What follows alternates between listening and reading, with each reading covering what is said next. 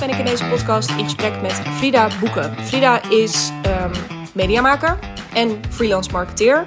En je kunt haar onder andere kennen van haar column in The Cosmopolitan, waar ze haar ja, wel en wee eigenlijk eh, deelt. Uh, haar ervaringen van het uh, freelance bestaan um, met ons deelt. En um, daarnaast maakt ze de podcast in samenwerking met Dag en Nacht Media. Lekker gewerkt, wat overigens een geniale titel is. Uh, met even mijn kopieachtergrond. Uh, ja, dat moet natuurlijk gezegd worden. Um, waarin ze eigenlijk op onderzoek gaan van... nou, wat, wat betekent het nou vandaag de dag om als twintiger, dertiger... Hè, weet je, millennial, uh, Gen Z'er... Um, aan het werk te zijn. Wat kom je daar allemaal in tegen? En met haar wilde ik wel eens op onderzoek naar wat haar eigen ervaringen zijn met het freelancerschap, waar ze nu sinds een jaar ongeveer in zit. Um, en ik wilde haar, en met haar ook wel eens onderzoeken van... is freelancen nou de lekkerste manier van werken... als we het hebben over lekker gewerkt? Daarover um, gaan we dus zo meteen in gesprek. Uh, wat kun je verwachten? Uh, we hebben het over haar persoonlijke route. Um, maar we hebben het verderop in het gesprek ook over... Um, en dat maakt dit denk ik een heel bijzonder gesprek. Het is dus heel tastbaar, het is heel concreet, het is heel herkenbaar... Maar zeker ook de tweede helft uh, trekken we het eigenlijk maatschappelijk wat breder van wat betekent het eigenlijk dat er zoveel freelancers zijn? Um, waar komt dat door? Uh, wat is daar goed aan? Wat is daar misschien ook wel minder mooi aan? Um, wat hebben we daar individueel, maar misschien ook met elkaar in te doen? Dus een, ja, een heel rond gesprek over um, freelancen. Onthult ze aan het einde ook nog een uh, primeurtje over haar boek. Dus ik zou zeggen, ja, Lekker luisteren en heel veel plezier met het gesprek dat ik had met Frida Boeken.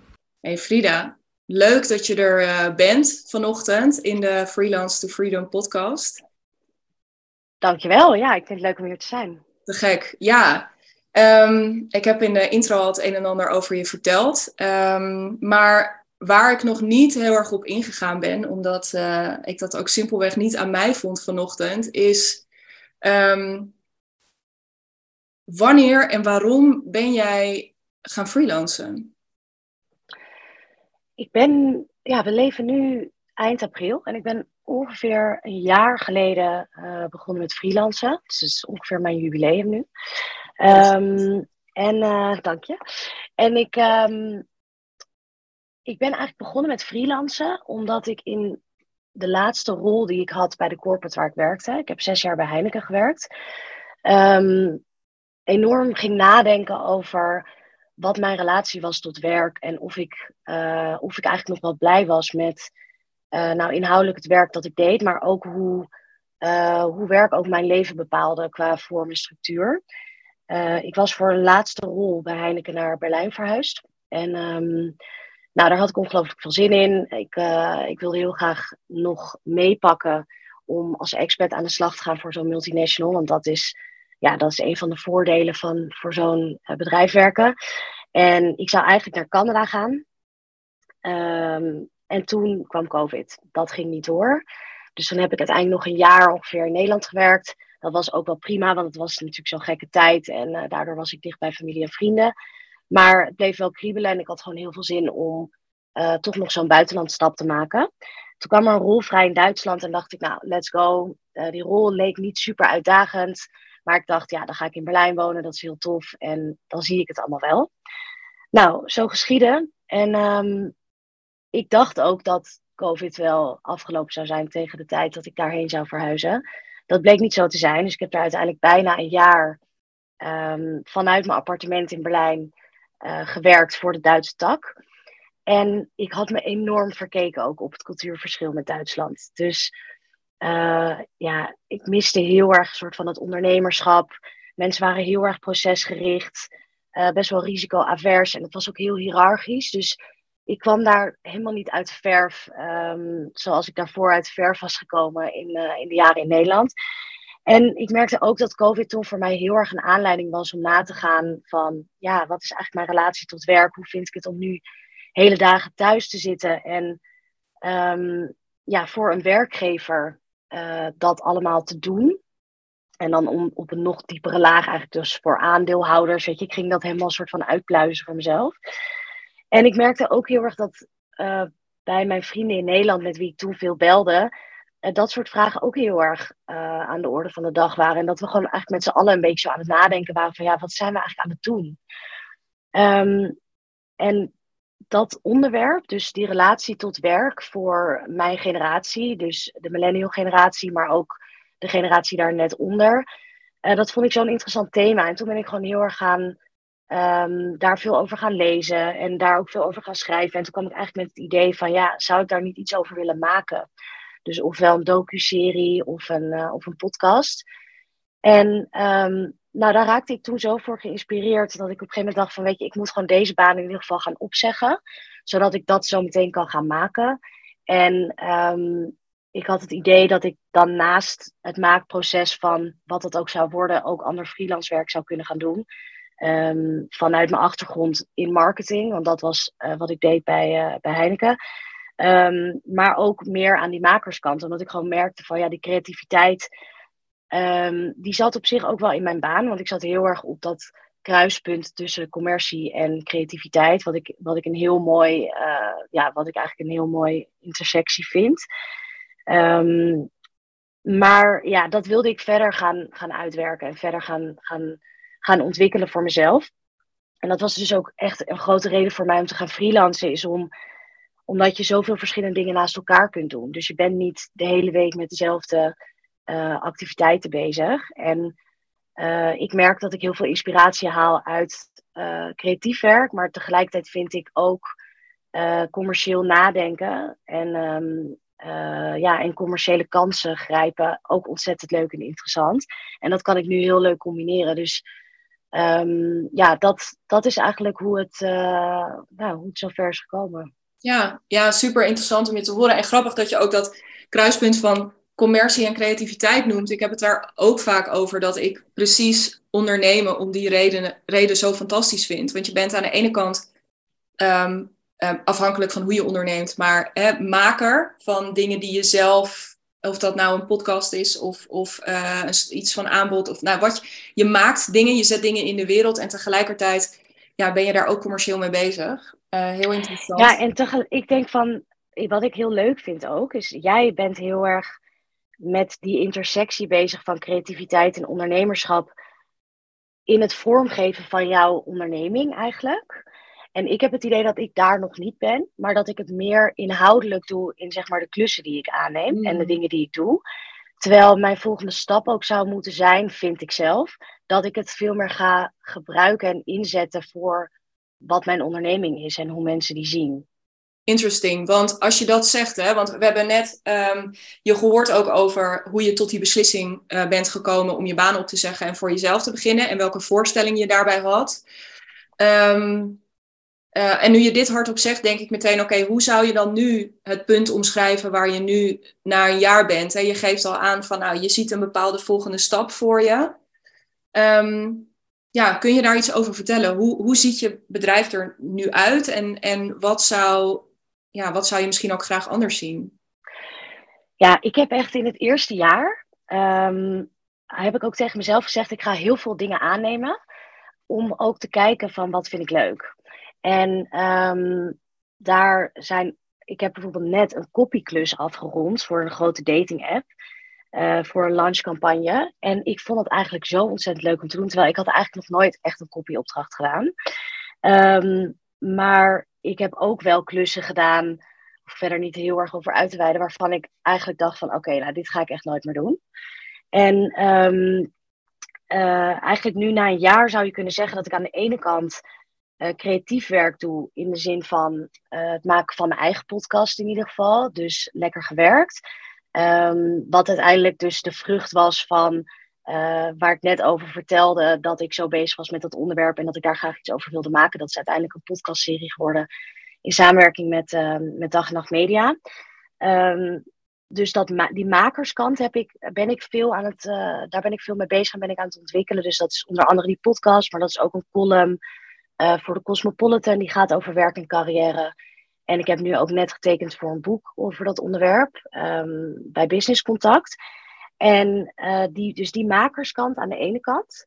En aan de andere kant um, uh, strategie- en positioneringsklussen voor, voor merken. Dus dat zijn dan voornamelijk start-ups, scale-ups en nou ja, nu dan dus ook ineens een kopieklus.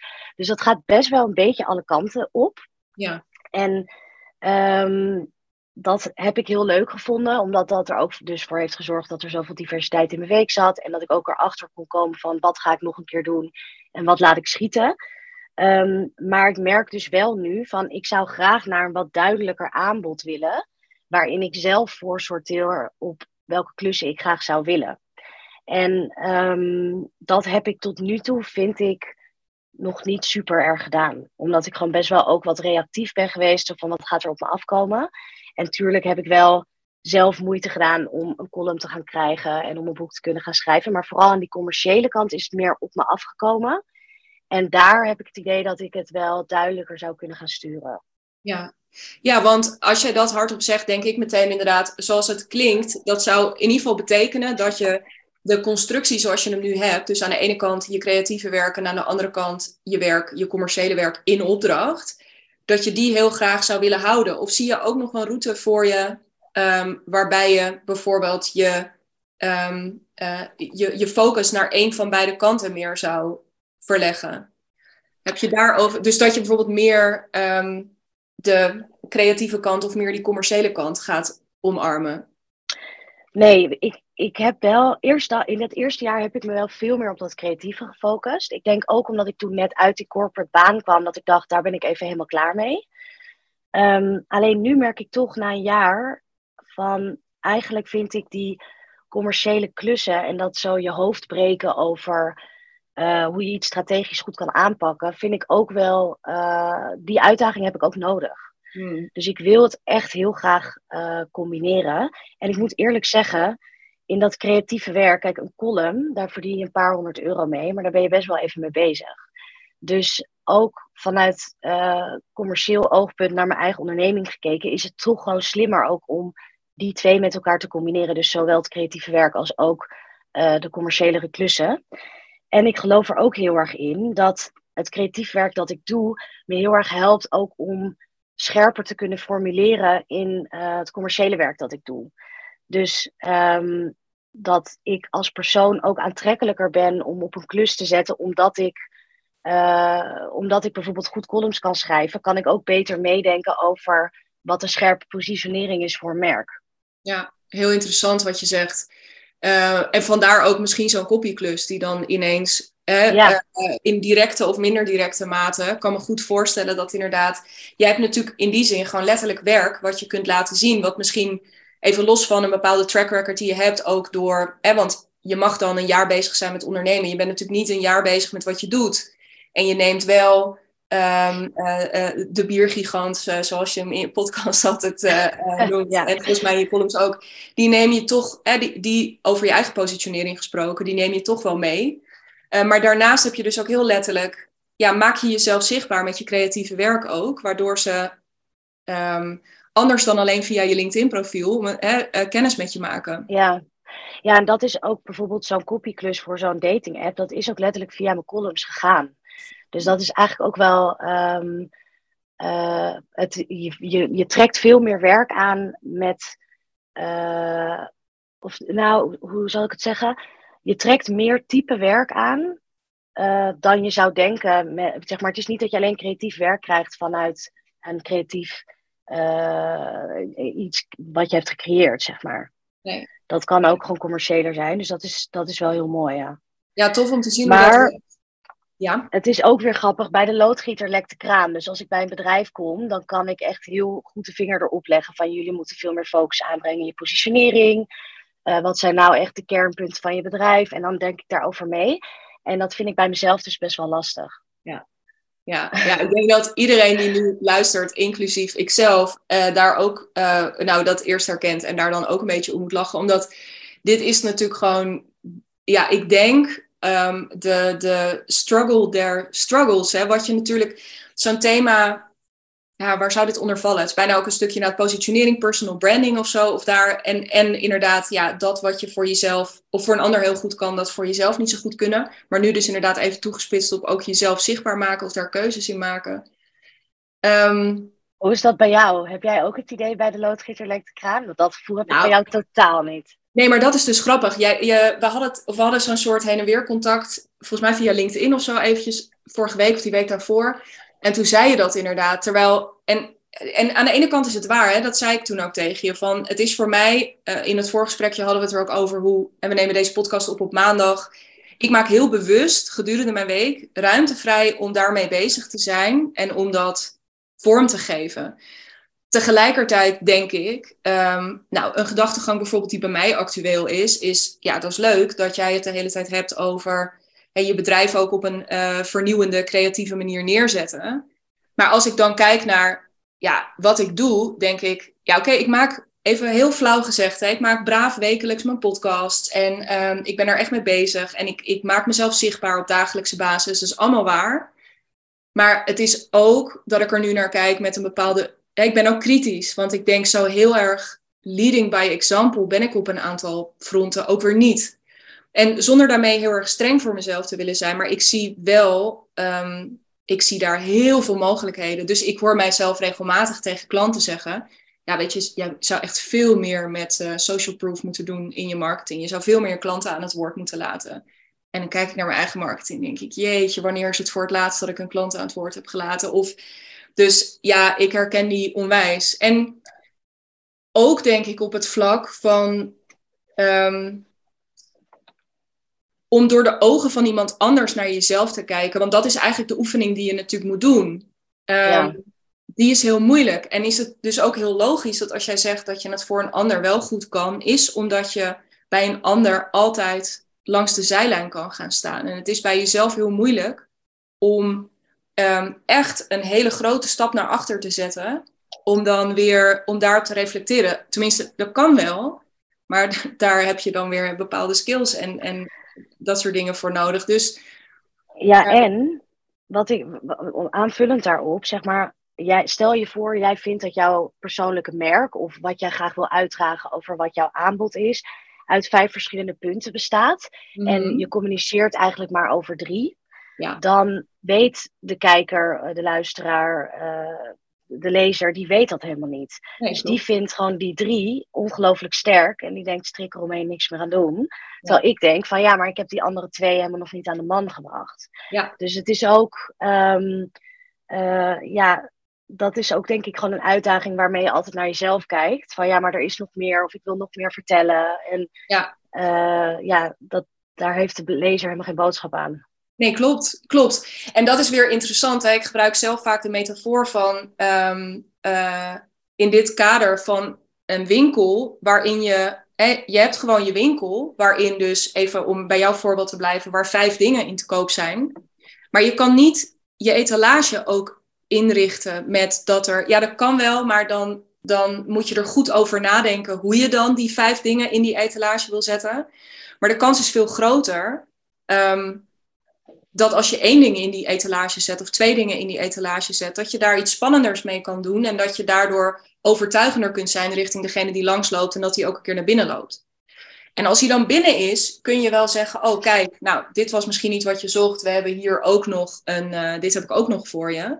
Maar het is een continu spel. Dat geldt voor mij ook tussen um, ja, die etalage en, um, en je winkel.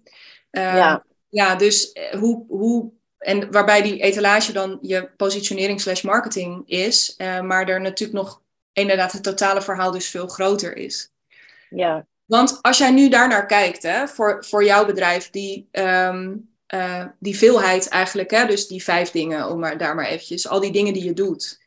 Um, hoe kijk je daar? Want je zegt van nou, het is ook een beetje ontstaan, omdat ik uh, ook reactief, wat denk ik de allerbeste manier is om je eerste jaar freelancen te doen, is gewoon gaan. En ook kijken, wat bieden mensen me aan? Wat vind ik leuk? Al die verschillende dingen. Maar goed, daar, daar ben je nu doorheen. Nu wil je keuzes mm. gaan maken. Mm, wil je ook al deze vijf dingen blijven doen? Of heb je nu het idee van, nou, dit is nu waar mensen me voor weten te vinden. En uh, dus vind ik ook dat ik deze dingen moet blijven aanbieden. Hoe kijk je daar um, Nee, kijk, ik vind niet per se dat ik moet blijven doen waar mensen mij voor vinden. Want dat zou, dan hou je eigenlijk die reactiviteit soort van vast. Mm -hmm. um, ja, ik vind het wel een interessante, want op zich zeg maar, heb ik gewoon een aantal pijlers. Ik heb het schrijven, wat ik gewoon ontzettend leuk vind en waar ik heel erg graag mee door wil. Ja. Ehm, ik heb die strategie en positionering waar ik ook heel graag mee door wil. Maar ik maak bijvoorbeeld ook zakelijke podcasts voor bedrijven. Dus ik heb net een podcast gemaakt voor een ziekenhuis. Uh, waarin ik artsen interview over dingen die zijn misgegaan op de werkvloer, die soms fatale gevolgen hebben. En die podcast wordt dan gebruikt voor artsen in opleiding Eigenlijk om te voorkomen dat dat soort eh, fouten opnieuw gemaakt worden. Ja, dat is heel inspirerend. Want daar ga je dan, tenminste, ik vind dat heel erg interessant, omdat je helemaal in een nieuwe uh, industrie eigenlijk duikt. Uh, die probeert te begrijpen, of in ieder geval de juiste vragen probeert te stellen aan de mensen die je dan spreekt. Um, om een soort van document te maken waar zij, waar zij mee door kunnen. ja, dat soort dingen zou ik heel graag meer willen doen. Um, maar daar moet ik dan wel een soort van dat, ik doe dat samen met een, met een podcastproductiehuis, podcastteler. Dan ga ik wel met hen kijken van hey, hoe kunnen we daar een soort van salesstrategietje aan hangen. Dat we dit voor meer partijen zouden kunnen doen. En dat is natuurlijk heel. Dan neem je zelf het initiatief om te verkopen wat je wil verkopen. Ja. Um, en dat is ook leuk, want dan ben je ook weer commercieel bezig met hoe gaan we dit aan de man brengen. Ja. Um, dus op die manier zijn er een aantal pijlers. Kijk, ik heb bijvoorbeeld één keer een soort van interviewklus gedaan. Dat was kwalitatief onderzoek. Dat lag best wel dicht tegen marketing eigenlijk aan. Uh, waarin we met een, um, een, een, groep consumenten eigenlijk door uh, nou, een collectie van een kledingmerk gingen heen lopen. En daar ging ik hen dan over interviewen. Dat ga ik nooit meer doen. Want dat vond ik gewoon niet leuk genoeg. Dus ik ben daar wel weer daarna voor teruggevraagd. En heb ik gezegd, nee, dat ga ik niet meer doen. En dus op die manier maak je schifting. Ja, want wat was de schifting in dit geval? Want het klinkt op zich als een, gewoon voor mij als buitenstaander, als uh, ja, je gaat dus net als met die artsen. Oké, ik snap hier wel ja. iets, ik waarschijnlijk zoiets over zeggen, maar je gaat in principe gewoon met ze in gesprek over een bepaalde ervaring.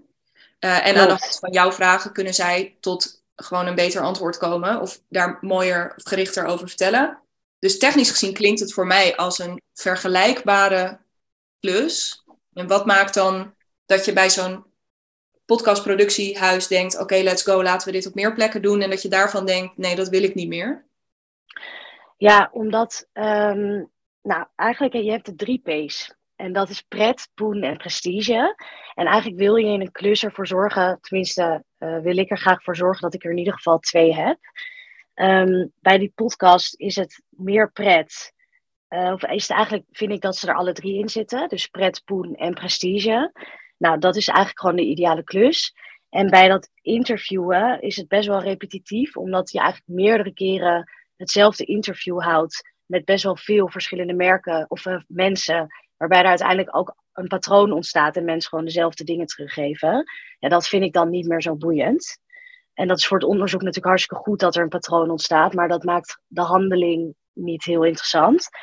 Um, en ik vind bij zo'n klus um, voor zo'n kledingmerk, vind ik het adviesgedeelte interessant en het strategiegedeelte interessant. Maar dan kan ik ook op papier de key insights krijgen uit die interviews en hoef ik die interviews niet af te nemen. Nee, duidelijk. Uh, terwijl ik bij het maken van zo'n podcast vind ik het edit gedeelte is ook maken en creativiteit. En dan zit ik in de edit met uh, die producer. En dat, ja, dat is weer een soort van nieuwe creatieve ervaring die ik heel leuk vind. Ja, dus dat zit er eigenlijk heel erg in, hè, continu. Ook bij uh, die strategie uiteindelijk van het opstellen en het, het, de, de puzzel leggen. Um, het vervolgens ook, gok ik zo, want als jij klaar bent met je strategie, moet dat gepresenteerd worden. Het moet inzichtelijk gemaakt worden voor verschillende stakeholders, weet ik veel. Dus je bent heel erg bezig met, um, ja, je bent heel erg bezig alsnog met iets maken voor iemand mhm. anders, zodat iemand anders Precies. kan. Um, ja. Dus die rode draad zit er, zit er best wel doorheen. Um, en dus ook best wel dat, hè, want um, uh, een stuk verhalen vertellen of zo daarin, loopt er ook best wel als een rode draad volgens mij doorheen. Hè? Dus zowel ja. het schrijfwerk als. Maar strategie is natuurlijk ook hè, van waar zit, waar zit die kern? En op welke manier ga je van daaruit je acties en je, of je strategieën en je acties formuleren? Totaal, want dat was ook zeg maar wat ik zo leuk vond aan het werk bij uh, de Biergigant. Is dat je eigenlijk ook verhalen vertelt voor merken Ehm, waardoor een consument een euro meer gaat betalen voor jouw merk dan voor het huismerk wat daarnaast ligt, bijvoorbeeld. Dat vind ik psychologisch gezien ook gewoon een heel interessant concept. Ja. Ehm, en daar heb ik me toen uh, ja, voor de commercie mee bezig gehouden. En nu doe ik dat zowel voor de commercie als ook voor verhalen waarvan ik vind dat ze verteld moeten worden. Dus ofwel in podcastvorm of in mijn columns of in mijn boek. Ehm, dus ik denk zeker dat dat de rode draad is. Ja. En misschien dat dat ook wel een soort van de rode draad in mijn aanbod zou moeten zijn. In hoe ik zeg maar het verhaal van mijn aanbod ga vertellen. Ja. Ehm, maar, um, maar daar ben ik gewoon ook nog niet helemaal uit. Nee, dit is ook, maar het is wel, want uh, gewoon om even, ik, nou ja, ik vat hem, dat snap ik, want we zijn nu, weet ik veel, twintig minuten met elkaar aan het kletsen. Dus dit is ook even een soort eerste hoog over flinter of zo die ik er dan uitvis. Maar ik denk dat, dat uh, echt dat, ja, dus dat makerschap en tegelijkertijd echt die verhalen vertellen. Want volgens mij doe je ook nog wel eens wat spreek, dagvoorzitterschap, uh, opdrachten. Dat gaat natuurlijk ook hierover. Dan ben je ook degene die faciliteert dat um, het verhaal dat volgens de partij waar jij door ingehuurd wordt, verteld moet worden. Boven tafel komt. Ja, ja. en dat het land ook vervolgens. Hè, dus dat voor zover als degene die in een panel zit iets zegt wat volkomen onbegrijpelijk is voor een gemiddeld iemand, omdat hij ja. nou, in een of ander jargon verzandt, dan is het ook aan jou de opdracht om vervolgens te zeggen: oké, maar bedoel je dan dit? Dus het is ook een bepaalde manier van, um, ja, wat jij zegt, het uh, waardevoller maken. Dus letterlijk, van het voorbeeld van Heineken wat je net noemde, dus letterlijk waardevoller als in euro's. Maar het ook ja, soort toegankelijk maken van um, ja, verhalen die je anders misschien niet hoort. Ook bij die artsen natuurlijk. Ja. Ja ja, dat verhaal boven tafel krijgen. Dat, en dat kan ofwel mijn eigen verhaal zijn, maar dat kan ook het faciliteren van een verhaal van een ander. Dus ofwel van een ander persoon of van een merk. En um, wat ik ook heel leuk vind van voor groepen staan, is dat je daarin met enthousiasme uh, en met nieuwsgierigheid mensen zo ver kunt krijgen om, uh, ja, om te delen waar het echt om gaat, zeg maar. Ja. En daar, uh, dus ik vind dat voor groepen staan en dat dagvoorzitterschap ook gewoon echt heel erg leuk. Ik vind het ook altijd best wel spannend. Ja. Dus van tevoren denk ik soms ook van waarom doe ik dit eigenlijk? Want ik ben dan best wel zenuwachtig, maar als ik er dan eenmaal sta, dan vind ik het helemaal het einde. Ja. En dan is dat ook gewoon in één keer weg. Dus dat, um, dus ja, nee, dat is ook zo. Die rode draad is dat verhaal. En vaak is, en het middel is voor mij ook wel heel erg taal. Dus ik hou ook gewoon heel erg van taal en van woorden en van gezegden en spreekwoorden. En zo van, ik hou heel erg van lezen. Dus dat, um, dat, dat, ja, dat borrelt daar altijd ook een beetje zo onder in al het werk dat ik doe. Ja, tof. En als je nadenkt over het type, en want een andere rode draad in keuzes gaan maken voor, oké, um, je eigen positionering en daaruit voortvloeiend um, één of meerdere vormen van aanbod, zijn er is er een bepaald type klant waar jij um, heel enthousiast van wordt of warm voor draait? Of is er een gemene deler ergens van de klanten met wie je tot nu toe gewerkt hebt, of die misschien ook wel ergens op een wensenlijstje staan? Um, hè, want ik kan me voorstellen, zo'n klus, zo'n podcastklus met die artsen is natuurlijk, staat heel ver van de biergigant af. Ja. Dodelijk. Kan um, bijna niet verder. Nee, toch? Ja. Maar, en, tegelijkertijd zien we dus dat inhoud, of in de type opdracht zitten er best wel raakvlakken, maar in type klant niet per se. Heb je daar een bepaald gevoel bij? Dat je denkt, oh, nog even los van wat je dan effectief gaat doen, of wat het verhaal daarachter is, voor wie je het het liefste of het beste of het fijnste werkt? Ja, vind ik, ik vind het ook heel, wat jij dan net zegt van zo'n wensenlijstje en zo, dan denk ik, jeetje, dat heb ik eigenlijk gewoon helemaal niet. Dus daarin ben ik tot nu toe gewoon ook best wel reactief geweest. Maar um, uh, ja, wat ik heel, zeg maar, als ik het probeer te, uh, te destilleren, dan vind ik het leuk bij zo'n artsenklus dat het zo inhoudelijk is. En dat ik ook echt, weet je, dan krijg je die casussen van tevoren doorgestuurd. Dan ga ik daar echt even helemaal op afstuderen en wat van die termen googelen. En oh, wat is dat voor ziekte en hoe werkt dat? Dat je eigenlijk kortstondig helemaal ergens in onderdompelt, vind ik gewoon superleuk. Maar dat kan bijvoorbeeld bij zo'n copyklus voor zo'n dating app ook zijn van, ja, wat is nou de slang die millennials en Gen Z'ers nu gebruiken rondom daten of rondom uitgaan. En dan vind ik dat ook heel leuk om in te duiken. Ja. Dus um, het, ja, als ik, ik denk dat het te maken heeft toch met een bepaald. Uh, het moet inhoudelijk zijn. Mhm. En ehm, ja, en dan maakt het me eigenlijk soms niet eens zo heel veel. Soms, dan maakt het me dus misschien niet eens zo heel veel uit wat het is. Nee. Ehm, als het maar niet. eh, ja, en ik, ik probeer wel in de klussen die ik nu aanneem om niet te werken voor bedrijven waar ik, waar ik dan echt totaal niet achter sta qua de missie of weet ik het wat. Ja, Ehm, interessant, want ik moet denken ook aan waar we het over hadden in ons voorgesprekje. Ehm, niet om naar het heel irritant in een podcast als daar de hele tijd naar verwezen wordt, maar we hadden het over. ja, alsof wij echt al hele, hele Alsof we al- uren met elkaar beleefd hebben. Ja, precies. En alsof daar alle interessante dingen eh, de revue gepasseerd zijn. Nee. nee, maar we hadden het er wel Misschien over. kan je in het voorgesprek volgende keer achter een eh, betaalmuurtje zetten. Als, eh, dit kijk, dit is nou een voorbeeld van waar creativiteit en commercie elkaar perfect raken. Ja, top. Maar ehm, eh, we hadden het over eh, het thema verantwoordelijkheid ook eh, daarin. Hè? Van, want een van de vragen, of jij houdt je natuurlijk veel bezig met werk. En ik denk dat voor jou, wat heel duidelijk wordt ook in jouw verhaal. En wat ik ook heel erg herken en veel van de luisteraars ook is. Kijk, freelancen brengt een bepaalde mate van vrijheid met zich mee. die je weer steeds verder kunt vergroten. Dat is waar ik ook mijn klanten wel bij help. Ehm, maar toen hadden we het er ook over van ja, maar weet je, ook niet ten koste van eh, alles. En ook niet ten koste van, hè, we hadden het over een soort freelancen in relatie tot privilege. Mhm. Ehm, hoe kijk je daarnaar? Hè? Dus als we het nu bijvoorbeeld ook hebben over die. Nou, ik moest daar dus aan denken toen je zei van nou, ik zou niet het kosten wat kost voor elke eh, corporate of voor elke club werken. Ja, ja. ja, ik vind het gewoon zo interessant, want die vrijheid eigenlijk die we nu hebben in de arbeidsmarkt, eh, die zorgt, of tenminste ook de krapte op de arbeidsmarkt, zorgt ervoor dat het op dit moment heel aantrekkelijk is om te gaan freelancen. Zeker als jij een kenniswerker bent en jij gewoon eigenlijk in demand bent, om het zo maar te zeggen, dan kan je op dit moment een heel vrij en fijn eh, bestaan leven.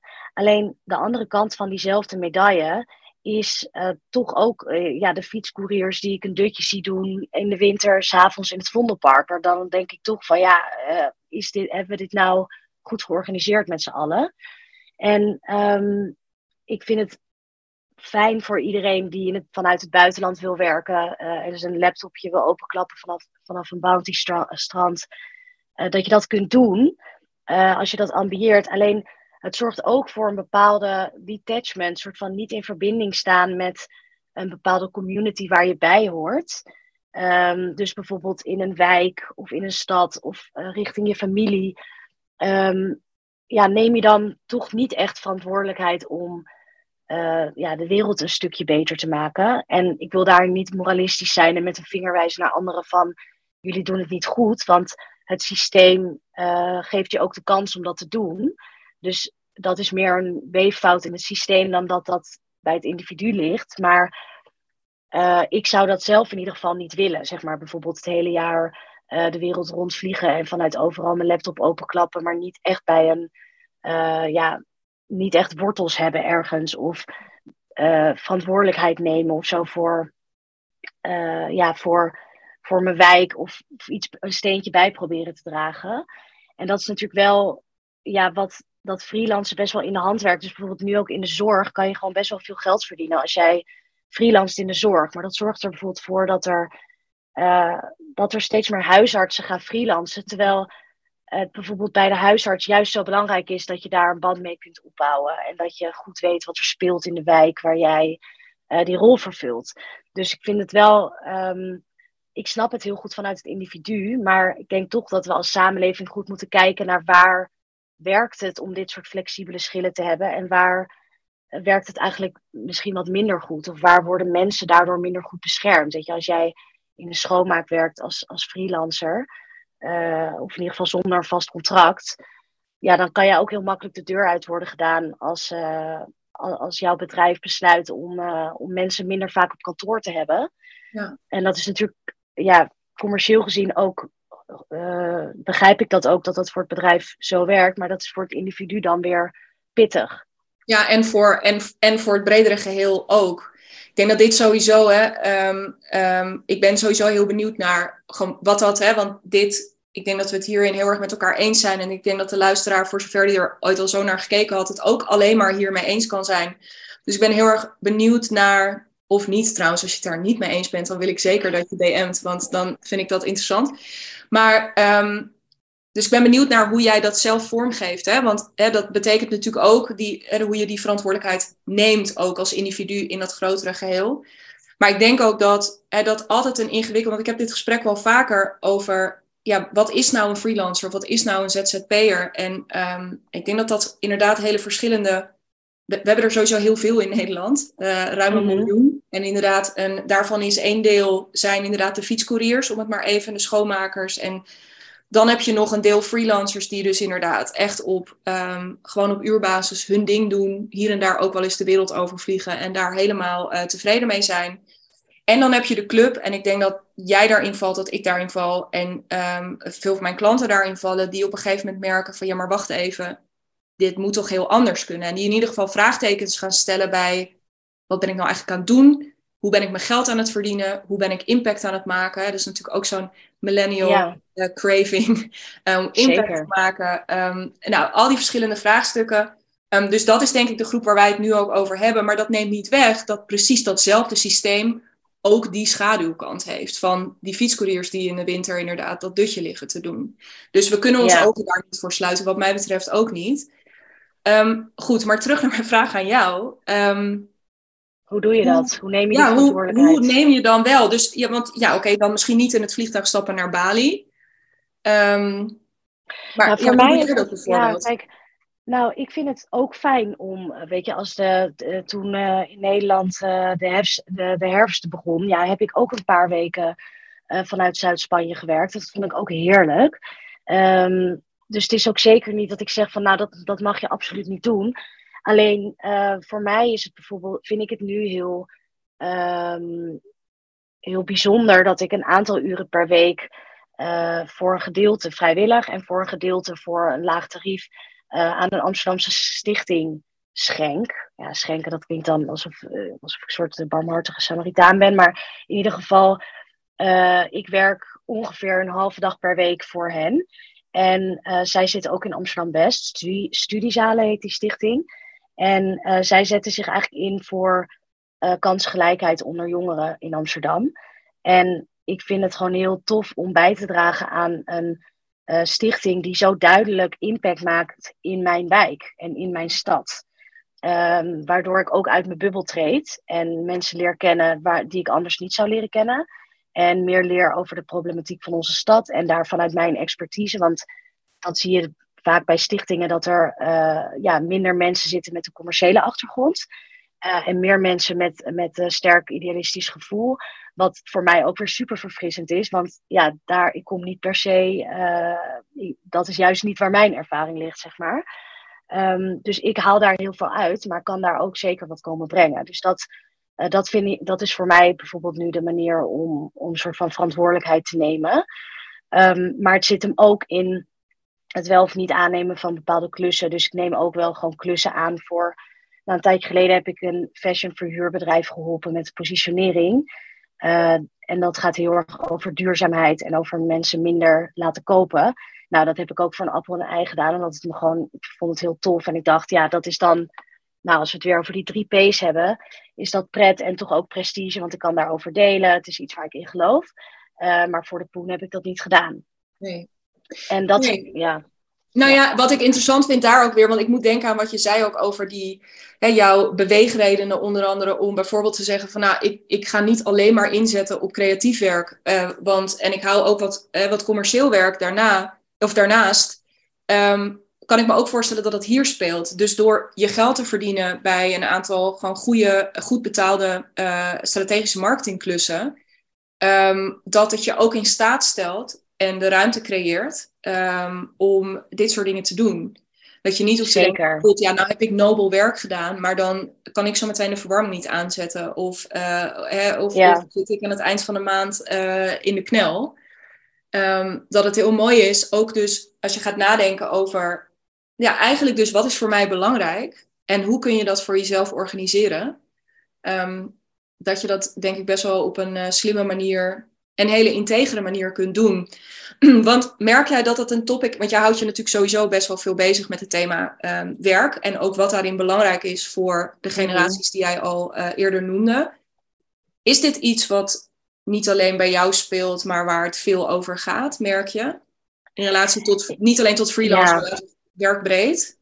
Ja, enorm. Kijk, dat is natuurlijk heel erg ook die purpose trend. Uh, ik heb het idee dat we daar nu misschien weer een beetje uit zijn, maar dat uh, bedrijven ook heel erg zijn gaan communiceren over wat hun toegevoegde waarde is voor de maatschappij. Uh, of in ieder geval wat ze proberen toe te voegen aan de maatschappij, omdat ze gewoon ook gaan, zijn gaan merken dat dat voor jongere werknemers zo ongelooflijk belangrijk is. En dat het de jongere werknemers ook echt over de streep kan trekken om wel of niet voor een bedrijf te gaan werken. En dat is natuurlijk nu met de war on talent voor bedrijven uh, ja, super belangrijk, omdat ze gewoon anders niet genoeg workforce hebben. Um, wat, wat ik een hele interessante ontwikkeling vind, is dat jonge mensen, en dat komt ook heel erg omdat we gewoon steeds meer uh, of steeds minder religieus zijn geworden, uh, heel erg hun identiteit verbinden aan het werk dat ze doen. En heel erg de betekenis ook willen vinden in hun werk. Dus het is niet meer zomaar van ik ga er om negen uur naartoe en om vijf uur uh, klap ik de boel dicht en uh, hasta la vista, we zien elkaar morgen weer. Maar je wil echt je kunnen identificeren met het werk dat je doet. En nou, dat merk je ook heel erg van als je in de kroeg staat, zijn er toch ja, is toch een van de eerste vragen die mensen elkaar stellen: van ja, wat doe je precies? Hmm. En um, uh, dat vond ik trouwens ook heel leuk aan in Berlijn wonen. Uh, ik vond het werk daar helemaal niet leuk, maar ik merkte wel dat er daar veel minder een soort van. Uh, dat werk veel minder definiërend is voor jou als persoon. Dus dat mensen daar veel minder snel vragen wat je doet. Dus je kan echt al een uur met iemand slap ouwe hoeren aan de bar. En dat dan pas een keer voorbij komt van, goh, wat, wat doe je eigenlijk? dat vond ik heel verfrissend. En ik heb, ik heb het idee dat dat in Nederland gewoon wel veel minder zo is. Dat we hier uh, ja, veel bezig zijn met, met werk, wat voor betekenis we daarin vinden en, en hoe het ons als mens definieert. En um, uh, ja, dus daardoor wordt het ook steeds belangrijker dat onze werkgever iets bijdraagt. En, um, en willen we liever niet meer werken voor een werkgever die uh, dat soort dingen niet op orde heeft. Nee, want dat is inderdaad wel interessant ook hoe jij hem nu formuleert. Dat gaat dus inderdaad veel verder dan een bepaalde status als je het hebt over identiteit, maar echt um, op vervulling. En wat ik wel, wat, wat me net te binnen schoot toen je het daarover had, dacht ik ineens, het is eigenlijk raar dat het dan in eigenlijk dezelfde ontwikkeling, het de afgelopen maanden natuurlijk heel veel gaat over quiet quitting, onder eenzelfde, uh, hangen die twee dingen met elkaar samen voor je gevoel? Ja, ik denk quiet quitting. Ik vind het grappig dat je het nu noemt, want mijn inziens is dat gewoon ook een enorme media-hype. Um, dus het, het allitereert lekker. Dus, uh, en het is een beetje iets soort van controversieels. Zo van jeetje, je doet helemaal niet je best op je werk. Um, dat dat enorm wordt opgepikt daardoor in de media.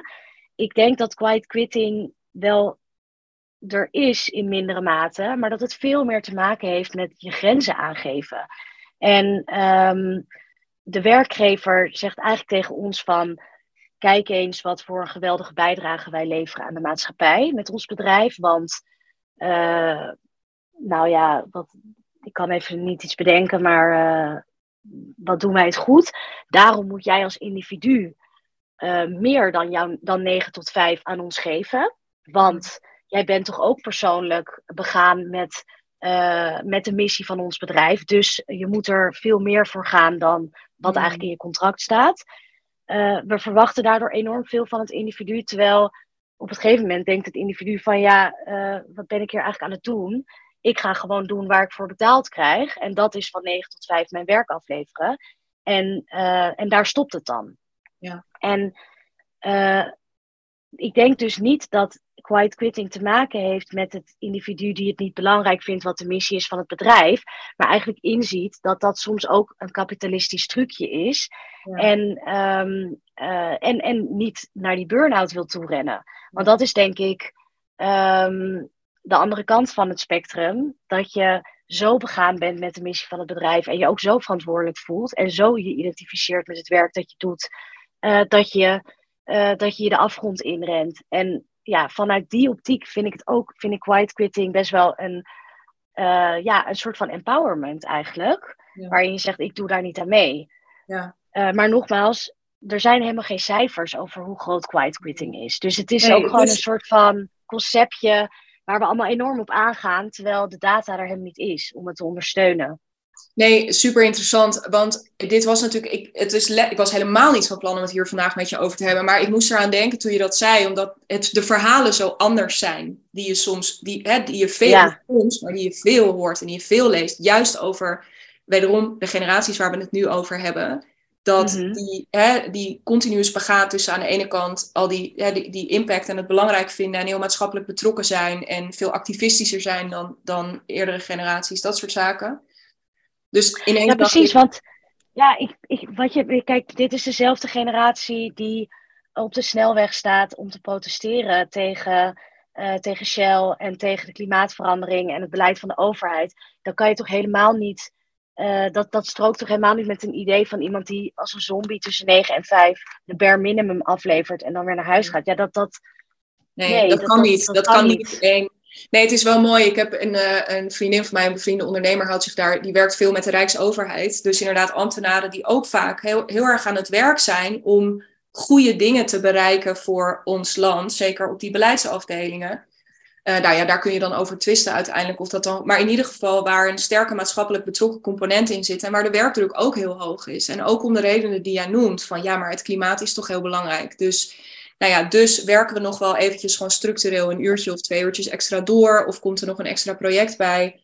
Um, en zij zit heel erg op die stressreductie daar. Dus het is wel mooi ook, inderdaad. Je ziet dat daar um, steeds meer aandacht voor komt, wat mooi is. Want inderdaad, betrokkenheid betekent niet hetzelfde als jezelf er ten koste van jezelf helemaal um, ja, uh, meer insmijt dan, uh, dan goed voor je is.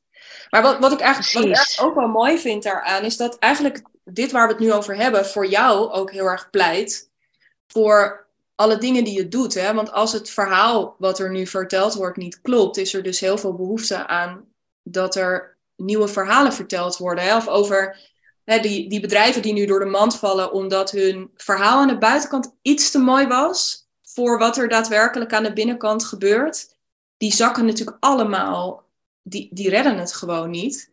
Dus daar is wel, uh, ook wat jij zegt over die artsen die een keertje aan de voorkant hun verhaal vertellen over iets waar ze aan de achterkant echt niet zo trots op zijn, denk ik per se, of waar ze niet graag aan terugdenken. Um, maar dat, daar, ja, dat er nieuwe verhalen ontstaan Mm ja, en dat is natuurlijk zeg maar bij bedrijven die door de mand vallen, daar ligt natuurlijk heel veel power voor de consument. En dat vind ik wel, uh, ja, dat vind ik een hele interessante ontwikkeling. Dan kom je natuurlijk ook weer op cancel culture en zo. En um, ja, power to the consumer. Uh, ja, de, de merken komen er eigenlijk niet meer mee weg om een mooi verhaal te vertellen aan de buitenkant, wat ze aan de achterkant gewoon niet op orde hebben. En dat vind ik wel, dat vind ik wel heel tof. Nou ja, en power to the freelancer ergens ook daarin. Want wat jij zegt is, ik denk dat dit inderdaad op, en dan kun je natuurlijk zeggen, ja, iedereen is een consument, dus het gaat over iedereen. Maar is dat je heel erg kunt, um, door bijvoorbeeld als jij zegt van ik kies niet voor een bepaald bedrijf, betekent het dat jouw talent niet beschikbaar, hè, dus het, het zet, mm uh, en op, het is ergens ook natuurlijk een druppel op een gloeiende plaat, maar het doet ook iets. Dat jij die afweging maakt. En je ziet nu, het, die, die war on talent, wat, wat ook een terminologie is die geloof ik niet meer zo. Of tenminste, dus altijd, het is een beetje een lelijke vergelijking, die uh, oorlogsterminologie. Maar die is natuurlijk ook gaande in freelancerland. Want er is ook jacht. Steeds meer bedrijven gaan steeds meer werken met goede freelancers. Dus um, bedrijven gaan ook steeds meer daarin uh, echt vissen naar het beste talent. Dus ook, nou ja, dat is goed nieuws voor de freelancer. Maar ook echt weer een bepaalde machtspositie, voor zover je daarin na wil denken. Um, waarin je zelf heel sterk kunt zeggen van ja, ik weet dat jullie met mij willen werken, maar ik, ik kies niet voor jullie. En ik ga mijn mhm. expertise inzetten um, om iets anders te bereiken. Ja, en dat heeft wel ook, uh, zeg maar, als je die kans hebt om dat te doen, dan is dat prachtig. En dan kan je op die manier iets bijdragen en um, inderdaad jouw capaciteit en talent niet beschikbaar stellen voor dat soort partijen. Alleen dat heeft ook gewoon weer zo te maken natuurlijk met privilege. Met of jij ja, of je dat kan leiden financieel gezien. Of je genoeg netwerk hebt om dan wel aan klanten te komen waarbij je er wel in gelooft. Weet je, dat is zo. Ehm, ja, het is heel mooi als dat kan, maar ja, niet iedereen heeft die, heeft die ruimte. Nee, eens. En soms moet de schoorsteen ook gewoon roken. En ja, dat is bij mij net zo goed het geval. Ja, nou ja, maar dan heb je dus wel weer wat ik denk, wat, wat ik wel mooi vind ook aan jouw verhaal. En um, dat je die ruimte gewoon neemt op het moment dat het kan. En dat je daar echt afwegingen voor jezelf in maakt. Van nou, ik kies er nu voor om geld te verdienen en mezelf een bepaalde stabiele basis te bieden uh, met klus mhm. X. Um, en daardoor heb ik de ruimte om andere dingen niet te doen of creatief werk te maken. Of, um, maar ik ben het met je eens, dat is natuurlijk, ja, deze discussie hebben wij met elkaar nu, vanuit onze positie. En uh, ik, dan denk ik weer aan die fietscourier, wat wel weer echt aan de andere kant van het spectrum zit, maar die heeft dat natuurlijk niet. En wat, wat ja. er bij gebeurt, klopt ook niet. Maar als je geld moet verdienen, moet je geld verdienen. Precies. Maar ik denk, wat ik ook heel mooi vind, is juist ook kijken naar, als jij dat privilege hebt, is hoe kan jij daar mensen in meenemen. Dus kan jij een junior bijbegroten op de klus waar je op zit, uh, om te zorgen dat je iemand anders ook een bepaalde ervaring geeft en zo weer, um, nou, weer iemand anders vooruit kan helpen. En dat is ook wel soms wat ik mis, is dat zeg maar, als je ergens in dienst bent, dan ben je ook best wel echt bezig met het opleiden van anderen. En um, en dat vind ik soms wel eens jammer, met dat je nu, dat ik toch als een soort lone wolf nu overal binnenstap en, en een opdracht doe. Um, dus dat, dat zou ook nog wel iets zijn waar waar ik iets mee zou willen. Ja, super interessant om met, en ik ken die voorbeelden ook wel hoor, die uh, mensen die met trainees werken, inderdaad, bijvoorbeeld een tijdje, of uh, inderdaad het op projectbasis uh, meebegroten, zodat ze ofwel net afgestudeerden of mensen die echt nog eventjes een doorstart te maken hebben, daarin mee kunnen nemen. Um, dus dat zijn mega interessante routes. Nou ja, en dit is wel het mooie, want je kunt af en toe best wel een beetje cynisch worden of zo van een, ja, maar dit is privilege, dus ja, weet je, waar hebben we het over? Um, eh, terwijl, wat nou als je dan in ieder geval je privilege nog gebruikt om dan het, in ieder, om het anders te gaan doen, waardoor er net achter jou weer een beetje... Een effect ontstaat, ja. ja. Want dat is, je kunt er anders natuurlijk ook helemaal ja, een soort uh, diep cynisch en half depressief hebben als je daar helemaal diep induikt in die gedachtegang. Ja. Terwijl wat nou als je er ook iets moois mee kunt bereiken? Nou, dat is denk ik ook wel heel leuk van als je eenmaal je eigen aanbod hebt gevormd en je bent daar gewoon een ster in, dan zou je natuurlijk ook kunnen zeggen van weet je wat, ik doe drie uur per week um, zet ik open in mijn Calendly. En uh, die mag je boeken als jij uh, geen budget hebt, maar wel uh, een goed idee hebt. En weet je, zo. Ja. Um, dat, ik denk dat dat ook net soort van voor jezelf weer meer vervulling kan geven in je werkweek. Ja, onwijs. Dat je ook niet moet onderschatten hoe... Weet je, wordt ook wel eens gezegd, er is no such thing as altruism. Omdat het je gewoon zelf heel erg gelukkig maakt als jij een ander ja. helpt. En um, uh, dus het, het, het is niet zo van, oh, je strijdt met je hand over je hart en wat zijn we goed, want je wordt er zelf ook gewoon hartstikke blij van. En dat, als, je dat, als dat je uitgangspunt is, dan ja. Nou ja, um, hoe meer win-win, hoe beter, denk ik wel eens. Want als dit zo is, ja, dan bestaat er geen altruïsme. Ja, uh, lekker belangrijk. Weet je, daar, bij dit soort dingen denk ik altijd, nou ja, dan noemen we het niet zo. Prima. Maar, maar als het werkt, dan werkt het. En uh, het is wel mooi inderdaad. Ik zie mezelf dat ook. Ik heb altijd zo'n moet denken aan um, uh, boek wat ik van Rick Rubin, wat ik nu aan het lezen ben. En dus eigenlijk ook ligt een beetje in lijn met wat, wat jij nu zegt. Is dit soort gedachten ontstaan ook op het moment dat je.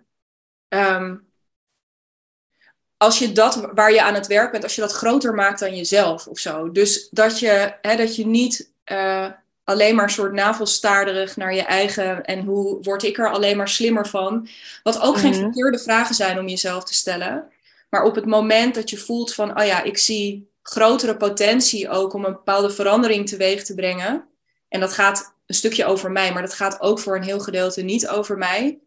Uh, dan kunnen dit soort ideeën ook heel erg de ruimte krijgen. En ik denk dat we gewoon meer, los van dat iedereen moet doen waar hij zelf zin in heeft, dat het wel echt heel veel gaat betekenen als er meer freelancers zichzelf dit soort vragen gaan stellen. Ja, ja. ja, inderdaad. Want je gaat freelancen natuurlijk voor heel veel freelancers die starten uh, omdat ze een grotere mate van vrijheid willen hebben. Ehm, maar vrijheid aan zich is denk ik niet het doel. Want het gaat denk ik heel erg over wat ga je daarmee doen. Ja. En uh, voor een gedeelte wil je dat gebruiken voor, voor jezelf. Maar um, ja, dat, dat kan je ook inzetten voor, uh, voor iets groters. Dus dat, ja. ja. ik ben het helemaal met je eens. Ja, dat is ook weer, zijn we ook weer een beetje terug bij die community en bij die verantwoordelijkheid, om nog maar eens een cliché van stal te trekken. Dat met die vrijheid dus wel ook een bepaalde verantwoordelijkheid. Maar wat nou als dat niet streng zou zijn, maar als je ook die verantwoordelijkheid zelf vorm zou mogen geven? Want dat mag. Ja, nou, dat is bijvoorbeeld, je hebt ook zo'n instantie, de Nieuwe Gevers, ken je dat? Ja, ja. En daar kan je dan je uren, kan je dan een aantal uur doneren op een project van bijvoorbeeld een NGO. Of je kan een keer eenmalig een, een, een workshop geven of zo in jouw expertise. En dat vind ik wel een hele mooie nieuwe manier ook om, uh, ja, om als freelancer een steentje bij te dragen. Ja. Um, dus dat is wel, uh, dat is tof. Ik ben nog wel benieuwd naar twee dingen afrondend. Kijken hoe lang we hier. Ik ben namelijk heel erg benieuwd uh, of je al iets kan en wil vertellen uh, over je boek. Nu je toch, uh, ik denk dat dit ook dat er allerlei thema's in aan bod gaan komen waar we het ja. vandaag ook over gehad hebben. Ja. Um, en ik ben natuurlijk nog wel benieuwd van ook hoe je dan naar de komende tijd kijkt in je bedrijf. Zullen we daar eens even beginnen? Dan ronden we lekker af met een klein, klein kijkje naar je boek. Ja. Want hè, als je nu um, uh, je bent dus bezig met, nou ja, ik ben aan het nadenken over hoe ik mijn eigen positionering, mijn eigen aanbod uh, slimmer vorm kan geven. Um, ja, met dat in je achterhoofd. Wat zijn dingen die je, de, zijn er de komende tijd bijvoorbeeld dingen die je daar actief um, in gaat ondernemen? Ja. Nou, kijk, ik heb bijvoorbeeld nog niet eens een website. En uh, dan kan je wel zeggen, ja, wie kijkt er überhaupt nog op een, op een website? Als jij gewoon je LinkedIn en je Insta op hebt, dan is dat prima. Dat is wel waar, maar ik denk dat het voor mijzelf een goede test is, of een soort van goede opdracht, om toch een website te bouwen, omdat ik dan heel concreet moet gaan maken wat mijn aanbod is. Dus dat is voor mij de komende periode wel echt een, een hele belangrijke eigenlijk, om eigenlijk bijna een soort van pakketten te gaan vormen van, uh, ja, van wat ik wil aanbieden. En ik denk ook dat niet per se zo zal zijn dat een klant altijd exact dat pakket afneemt, maar ik denk dat je hem toch wel primet naar welk werk jij graag wil doen. Um, en, en dat ik eigenlijk ook wel graag wil kijken naar wat dan mijn soort van uh, sales pitch eigenlijk is. Dus aan de ene kant die commerciële ervaring en aan de andere kant die creativiteit. En hoe ik dat kan combineren naar een sales pitch waaruit een bepaald aanbod ook rolt. Uh, dus daar, daar wil ik heel graag mee aan de slag. En ik vind het eigenlijk ook wel leuk om daar nog eens een keer met jou over verder te praten. Ja, superleuk. Um, ik zie ook meteen wel voor me hoe je een hele mooie combinatie kan gaan maken van aan de ene kant dus um, ja, die commerciële kant die je echt wat meer ook in, in aanbodvorm wil gieten. En die je via dat platform van je website dus ook wat meer kunt verkopen. Maar tegelijkertijd dat het ook een ruimte is waar je een soort portfolio kunt um, bouwen van het creatieve werk wat je doet. Uh, dus dat het een gedeelte gewoon ook daar je verhaal vertellen, maar dat het ook een gedeelte show don't tell wordt. Waarin ja. ja je echt een beetje je eigen space creëert. Waarin ja ja, waarin het allemaal bij elkaar komt. Ja, precies. En dat, daar heb ik best wel behoefte aan. En ik denk dat de opdracht voor mezelf om een website te maken gaat me ook dwingen om keuzes te maken en om daar echt even goed bij stil te staan. Uh, en om weg te bewegen van, uh, van reactieve houding naar, uh, naar initiatief nemen, zeg maar, in wat ik wil, wat ik precies wil gaan doen. Um, en verder, ja, ik ben gewoon ook ongelooflijk druk met dat boek. Um, omdat het ook weer een heel nieuwe manier van werken is, eigenlijk het schrijven van een boek. En dat ik uh, ook nog steeds zelf, nog steeds, ik ben pas een maand bezig, maar heel erg aan het kijken ben van ja, hoe doe ik dat nou op een effectieve manier? Hoe plan ik mijn dagen in?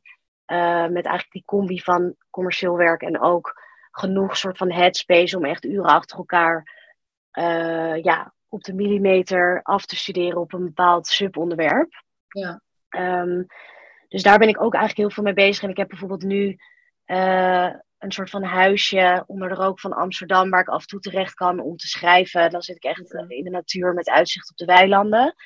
Uh, dus ik probeer daar ook echt voldoende tijd voor te maken om helemaal uit te checken en uh, eigenlijk gewoon mijn wifi uit te zetten en alleen maar te tikken.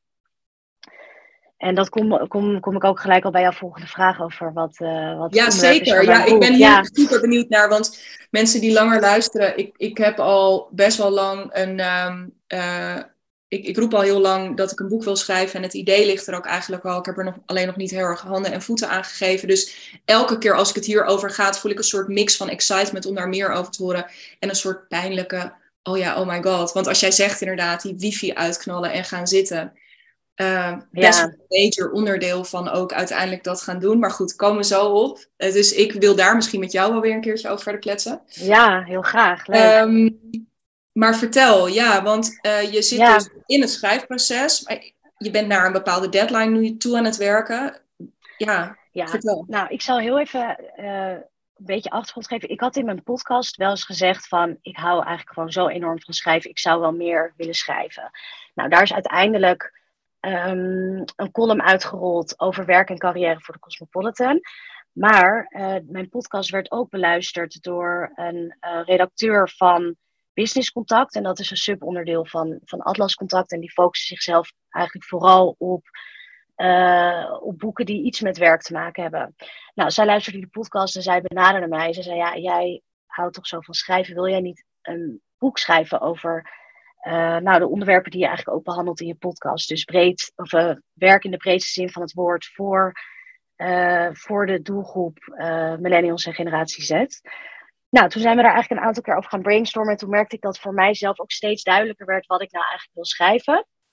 En, um, en daar ben ik nu mee begonnen. En het gaat dus ook over de betekenis van werk voor de jongere generatie. En hoe dat eigenlijk zo anders is voor ons dan, nou, laten we zeggen, voor onze ouders.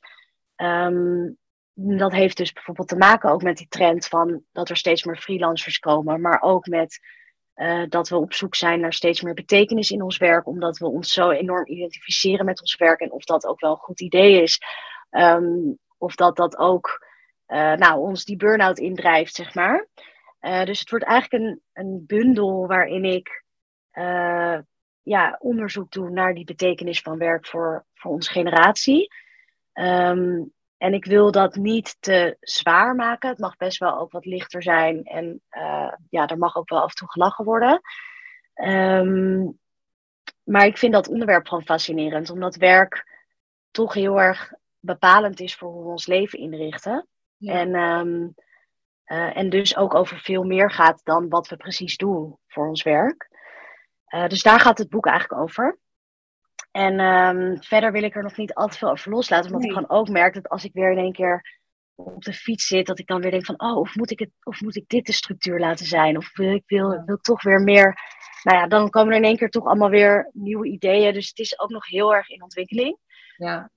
Um, en ik vind het ook heel spannend, want ik vind die columns ongelooflijk leuk om te doen, maar dat is elke keer maar één pagina. En dan ga je eigenlijk in 400, 500 woorden proberen om een onderwerp uh, ja, helemaal soort van op een heel scherpe manier en heel korte manier eigenlijk uit de doeken te doen. Of een verhaal, of een inzicht, of een mening. En met zo'n boek heb je in één keer, ja, voelt het toch alsof ik de Mount Everest moet gaan beklimmen terwijl ik helemaal unequipped ben. Um, dus het, het, is, ja, het is een heel nieuw soort ervaring en uh, ja. we gaan het meemaken. Ja, en wat me zo spannend eraan lijkt ook, is dat je met inderdaad, nou ja, eh, social media helemaal als extreme, maar zo'n column ook, op een gegeven moment is het weg. Want is het gewoon niet meer zo, het is niet weg, weg, maar het is niet meer zo actueel. Of er komt een nieuwe column. En daarmee is je laatste column ook weer uh, gewoon wat meer naar de achtergrond. Terwijl zo'n boek zeker als het wat wordt en het, en het een tijdje relevant blijft en um, het op planken blijft staan en dat soort, hè, dan het is een heel blijvend um, document. Ja. Uh, waarin je dus uh, toch ook wat meer, ja, je echt uitgebreid stelling neemt, natuurlijk ook ergens in. Of in ieder geval, ja, alleen al in wat ga je wel behandelen, wat ga je niet behandelen. Daar zit natuurlijk al iets in. Um, welke manier je je onderzoek aanpakt of, of niet, met wie je in gesprek gaat. Um, nou ja, daar... je legt gewoon, je legt gewoon uh, je spreekwoordelijke pik op het halkblok als je ja. een boek schrijft van nou, hier is mijn uh, creatieve kind. Ja. En uh, doet u ermee wat u wilt. Dat ja. vind ik gewoon heel, ja, ook best wel een beetje beangstigend. Maar dat is wel sowieso iets waar ik steeds meer aan begin te wennen met het uitdragen van creatief werk, van ja, dat hoort er ook eenmaal, nou eenmaal bij. Ja. Ehm, maar ja, dat is wel, ja, dat is wel spannend. Ja, super spannend. In het kader van, ik moet denken aan, om nog maar eens een boek erin te gooien, uh, uh, aan Seth Godin, die heel erg mijn forever. Ik, ik, volg niet heel veel, ik ben niet zo gevoelig voor business gurus, maar hij is wel forever mijn, mijn held. Um, Hij heeft ook een fantastisch boek geschreven over. Um, het, de ondertitel is Shipping Creative Work. Dus dat gaat heel expliciet over het, niet zozeer het tot creativiteit komen, maar daadwerkelijk ook daarna zeggen: Zo wereld, um, uh, hier is het. Uh, wat ja. je over die spreekwoordelijke pik op dat hakblok. Nou, daar gaat uh, het uit allerlei verschillende hoeken, want dat, ja, dat is nogal wat. Ja. ja. En hoe groter het werk wordt, hoe, hoe, ja, hoe groter dat uh, gevoelsmatig. Uh, ja, ik, zit in een, um, ik zit in een uh, creatieve studio, daar werk ik. En daar zitten best wel veel andere uh, makers. En um, toen hadden we het er vorige week ook over. En toen werd ook gezegd van ja, je moet in ieder geval nooit. En ik merkte namelijk bij mezelf dat ik dat al wel had gedaan. Um, je boek lezen of zeg maar naar de tekst kijken die je net hebt geschreven vanuit het perspectief van een ander. Zo van wat gaat iemand anders hiervan vinden? Um, omdat je dan eigenlijk te ver verwijderd raakt van wat jij zelf wil vertellen. Uh, en omdat je er gewoon acute imposter van krijgt. Um, en ik had bij mezelf gemerkt dat ik dat had gedaan. En dat heb ik dus ook daarna gelijk geprobeerd uit te schakelen. Dat is makkelijker gezegd dan gedaan. Maar dat is voor mij in ieder geval nu uh, de challenge de challenge. Want um, dan ben ik heel erg benieuwd, hoe kijk je dan wel naar de tekst als je hem ziet? Hoe, wat is dan de bril die je opzet als je er naar kijkt? Niet zelf ja, dus toch vanuit mijn eigen blik van, is dit inderdaad mijn mening? Vind ik mm. dit? Heb ik dat goed genoeg uitgelegd voor iemand die mij niet kent of die nog nooit met mij heeft gesproken? Ja. Meer dan, oh, wat vindt iemand van mij als die dit leest? Ja. Dat moet ik gewoon loslaten. Super interessant ja. Ja, we zijn natuurlijk nu allemaal heel benieuwd. Maar ik denk, A, uh, moet je er nog niet over te veel over willen zeggen? Had ik ook al, was je al wel helemaal uh, één richting op gegaan. Dat moeten we allemaal gewoon gaan lezen. Uh, waar gaat jouw boek over? Of waar, waar zou je over willen schrijven? Nou, ik zou dus heel graag een um, uh, perspectief open willen breken voor freelancers op um, uh, hoe het ook zou kunnen. En ik denk dat de haak die ik wil pakken is, ik heb het altijd over dat je niet uurtje factuurtje moet willen werken. Dat is heel erg het punt wat ik maak.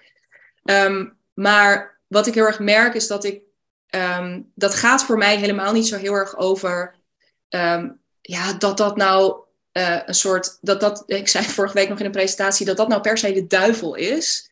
Uh, waar het mij veel meer om gaat, is dat um, uh, er zoveel andere manieren zijn waarop je over je bedrijf na kunt denken. En er zoveel andere manieren zijn waarop je het kunt vormgeven. En dat gaat dus echt niet alleen maar over, ja, op een gegeven moment is je tijd op en dan kun je niet meer geld verdienen. Of je kunt je uurtarief verhogen, dat houdt een keer op. Maar het gaat echt over een heleboel onderwerpen waar we het vandaag ook over gehad hebben. Van hoe kun je nou ook bijna je freelance bedrijf zo gaan inrichten dat je er nou ja, zelf uh, gelukkiger van wordt, maar dat je er ook een grotere impact mee kan maken op, op anderen. Um, ja, en hoe ga je daar nou praktisch mee aan de slag? Dus ik wil heel erg de. Ik geloof er heel erg in dat er namelijk andere manieren zijn dan dat op uurtje-factuurtje basis doen. Mm Maar um, jij zelf als ondernemer, waar jouw klant, maar waar ook de wereld in bredere zin um, heel veel gelukkiger van wordt en beter van wordt. Ja. Dus, en dan ben ik nog heel erg aan het stoeien met, wil ik dat dit een wat meer hoogover verhaal wordt, waarin ik dat perspectief alleen maar openbreek? Of wil ik um, een bepaalde... Handvatten bieden. Handvatten bieden, precies. Dus dat ik veel meer een soort, ja, een bepaalde methodiek daarin naar voren van, nou, als je hier tegenaan loopt, dan zijn dit inderdaad dingen die je kunt doen. Um, ja, dus daar zit nog wat uh, stoeiwerk in. Waarvan ik inmiddels ook wel op een punt ben dat ik denk, volgens mij moet ik daarover gewoon een keertje met een redacteur gaan kletsen. Ja, inderdaad, dat denk ik ook. Ja, dus. Uh... Het is ook wel heel interessant, want je wil aan de ene kant jouw expertise heel erg in dat boek stoppen. En aan de andere kant wil je ook weer niet dat als klanten dat lezen, dat ze daarna niet meer bij jou hoeven aan te kloppen. Dus daar wil je ook een soort van middenweg in vinden. Ja, want anders wordt het ook heel erg niche. En daar heb ik mijn marketing wel voor, zeg maar. Dus ik hoef om uh, bepaalde dingen, daar heb ik dat boek niet voor nodig. Maar als ik nou hè, weer even heel... Dat is best, ik weet niet hoe jij dat ervaart... zonder nog drie uur deze podcast uh, te willen laten uitlopen. Maar um, uh, je wil een boek wel natuurlijk, je wil het afkaderen op een bepaald uh, topic. En maar je wil ook niet, zoals je dat met je marketing doet. Ik, ik moet, merk dat ik ook best wel in het nadenken over dat boek een bepaalde stukken van mijn marketingbrein of zo'n soort uit moet zetten. Omdat dit niet gaat over per se voor een hele specifieke groep heel overtuigend willen zijn, maar veel meer over. Oké, als dit mijn boodschap is, hoe kan ik die juist misschien bij meer en bij een bredere doelgroep laten landen? Mm. Ja, ja, snap je. Maar aan de andere kant zou het ook weer niet zo erg zijn als het boek alsnog niche is. Want um, als het in, binnen die niche uh, extreem relevant is, ja. dan heb je misschien wel meer lezers dan als je breed gaat uitzetten en, um, uh, en, en, minder, uh, ja, en een minder relevante boodschap hebt eigenlijk. Ja, dat is ook waar. Ja, ja en tegelijkertijd denk ik ja. weer aan die 1,2 miljoen freelancers elke keer. Waarvan dus, heb ik, hè, wat we net ook zeiden, het niet voor iedereen heel relevant zal zijn. Maar in potentie denk ik, even los van inderdaad dat je niet te veel wil kijken, ook door die bril. Maar um, er is best wel, hè, in, in, potentie is er best wel een publiek. Um, Zeker, dat denk ik ook. Ik denk ja. dat dit namelijk voor heel veel freelancers um, de crux is van, van waar, ze, waar ze naartoe zouden willen. Ja. Dus ik, ja, ik geloof wel ook heel erg in, in hier iets over schrijven. Maar sowieso, dit is natuurlijk eigenlijk in boekvorm het, wat jij aanbiedt. Ja, en tegelijkertijd waar ik dus niet bang voor ben, hè, is wat jij net zei van ja, dat ze dan in een boek. Ik ken mezelf namelijk gewoon heel erg. Uh, ik heb ja. ook wel met praktische handleiding, maar ik doe het niet. Ik moet ook uh, zelf weer bij mensen aankloppen om Um, in potentie heb ik alles wat ik nodig heb hier als ik naast me kijk op de bovenste plank staan. Maar zo werkt het niet. En als het zo is dat dat boekje bijvoorbeeld al de helft op weg helpt, maar je daarna zegt: Oké, maar hier loop ik vast en nu klop ik wel bij je aan, dan is dat ook fantastisch. Want dan kunnen we gewoon meer meters maken als we eenmaal met elkaar starten. Dus ik ben daar niet super. Nee, snap ik helemaal. Ja, interesting. Zullen we er zo, uh, zullen we hem rondmaken en uh, ja. afronden en dan misschien op een later moment nog een keertje um, verder praten als je verder bent met je boek, verder bent in je bedrijf. Sowieso uh, offline, maar misschien ook nog een keertje in de podcast. Zeker. Um, als mensen met jou na... Nee, laat ik een andere vraag in eerste instantie stellen. Hebben we iets niet besproken of heb jij iets niet gezegd waarvan je dacht, oh dat had ik wel echt... Of iets wat je wil benadrukken wat je vandaag gezegd hebt in een podcast waarvan je denkt, ik hoop dat je dit onthoudt. Um, nee, dat heb ik eigenlijk helemaal niet zo erg. Want nee. ik, heb, ik heb het idee dat we alles besproken hebben. Ja. En um, ik vond het een superleuk gesprek. En uh, nee, dus ik heb dat eigenlijk niet. Nee, nou top. Dan ik zou dit is... ook lekker uitknippen. ja, of niet. Dat is toch een charme van een beetje uh, gewoon uh, de, de real, echt, hashtag echt Insta, echt podcast. Um, ja, maar ik hou helemaal niet van echt. Nee, dat is ook waar. We mogen wel een beetje, dat is toch die marketeer weer, hè? Die dan... Precies. Ja, lekker beetje... positioneren, lekker vormgeven. Um, Waar kunnen mensen met je napraten? Of je, ja, als mensen zeggen van goh, ik wil ergens meer over weten. Of gewoon zeggen dat ik het een heel leuk gesprek vond. Waar kunnen mensen dat doen? Ja, alleen complimenten wil ik. En, ja. Uh, nee, nee, um, uh, op Instagram tankel dit is Frida. Uh, maar als je mijn naam intikt, Frida Boeken, dan geloof ik dat je me ook gewoon vindt. En um, op LinkedIn ook Frida Boeken. Dus eigenlijk die twee. Ik, zit, ik vind van mezelf dat ik op Twitter moet gaan, maar dat, daar ben ik nog niet. Uh... Zit jij op Twitter? Nou, ik, dit, precies wat je nu zegt, ik vind dat dus ook. Uh, omdat ik um, uh, de kansen die ik daar zie echt enorm vind met betrekking tot, ja, waarschijnlijk ook de connecties met journalisten. Um, ja. Maar ook gewoon de specialistische kennis die daar ook wel gewoon te halen valt. En de manier waarop je echt een stem kan worden. Um, maar ik moet nog even over mezelf heen stappen, nog, voordat ik daar, uh, want het lijkt me ook best wel intens, wat het vraagt om daar succesvol zichtbaar te zijn. En de hoeveel, als je op Instagram af en toe. stront ook. Zo, ja. Ja, daar ben ik ook nog niet helemaal aan toe. Terwijl het wel interessant is, omdat jij natuurlijk, jij komt vanuit copy, ben jij uh, uiteindelijk dit gaan doen wat je nu doet. Ja. Dus vanuit die optiek zou je zeggen van, nou, dit is helemaal het platform waar je op wil zitten. Bij mij eigenlijk ook, want ik hou ook dus heel erg van, taal en van schrijven. En toch uh, zitten wij er niet. Dus daar moeten we misschien ook, uh, moeten we ook over doorkletsen. Of gewoon een soort heel druk. Dat we het op een gegeven moment gewoon doen. Dus gewoon tegenover elkaar. En dan, oké, we gaan nu een account aanmaken. En ja, super interessant. Oké, niet op Twitter dus, maar wel op uh, LinkedIn en op Instagram. Uh, superleuk, ja, dat uh, geldt voor mij ook. Dankjewel. Um, Jij bedankt. Heel veel succes met alles, met je business, maar ook zeker met je boek. En je. ga je volgen. Vergeet ook. zeker niet, als het thema werk je interesseert en je daar meer in wil duiken, om ook de podcast Lekker Gewerkt te checken. Want um, het, naast het feit dat het heel interessant is, is het ook heel vaak heel grappig. En ja, echt een feestje om te luisteren. Um, dankjewel.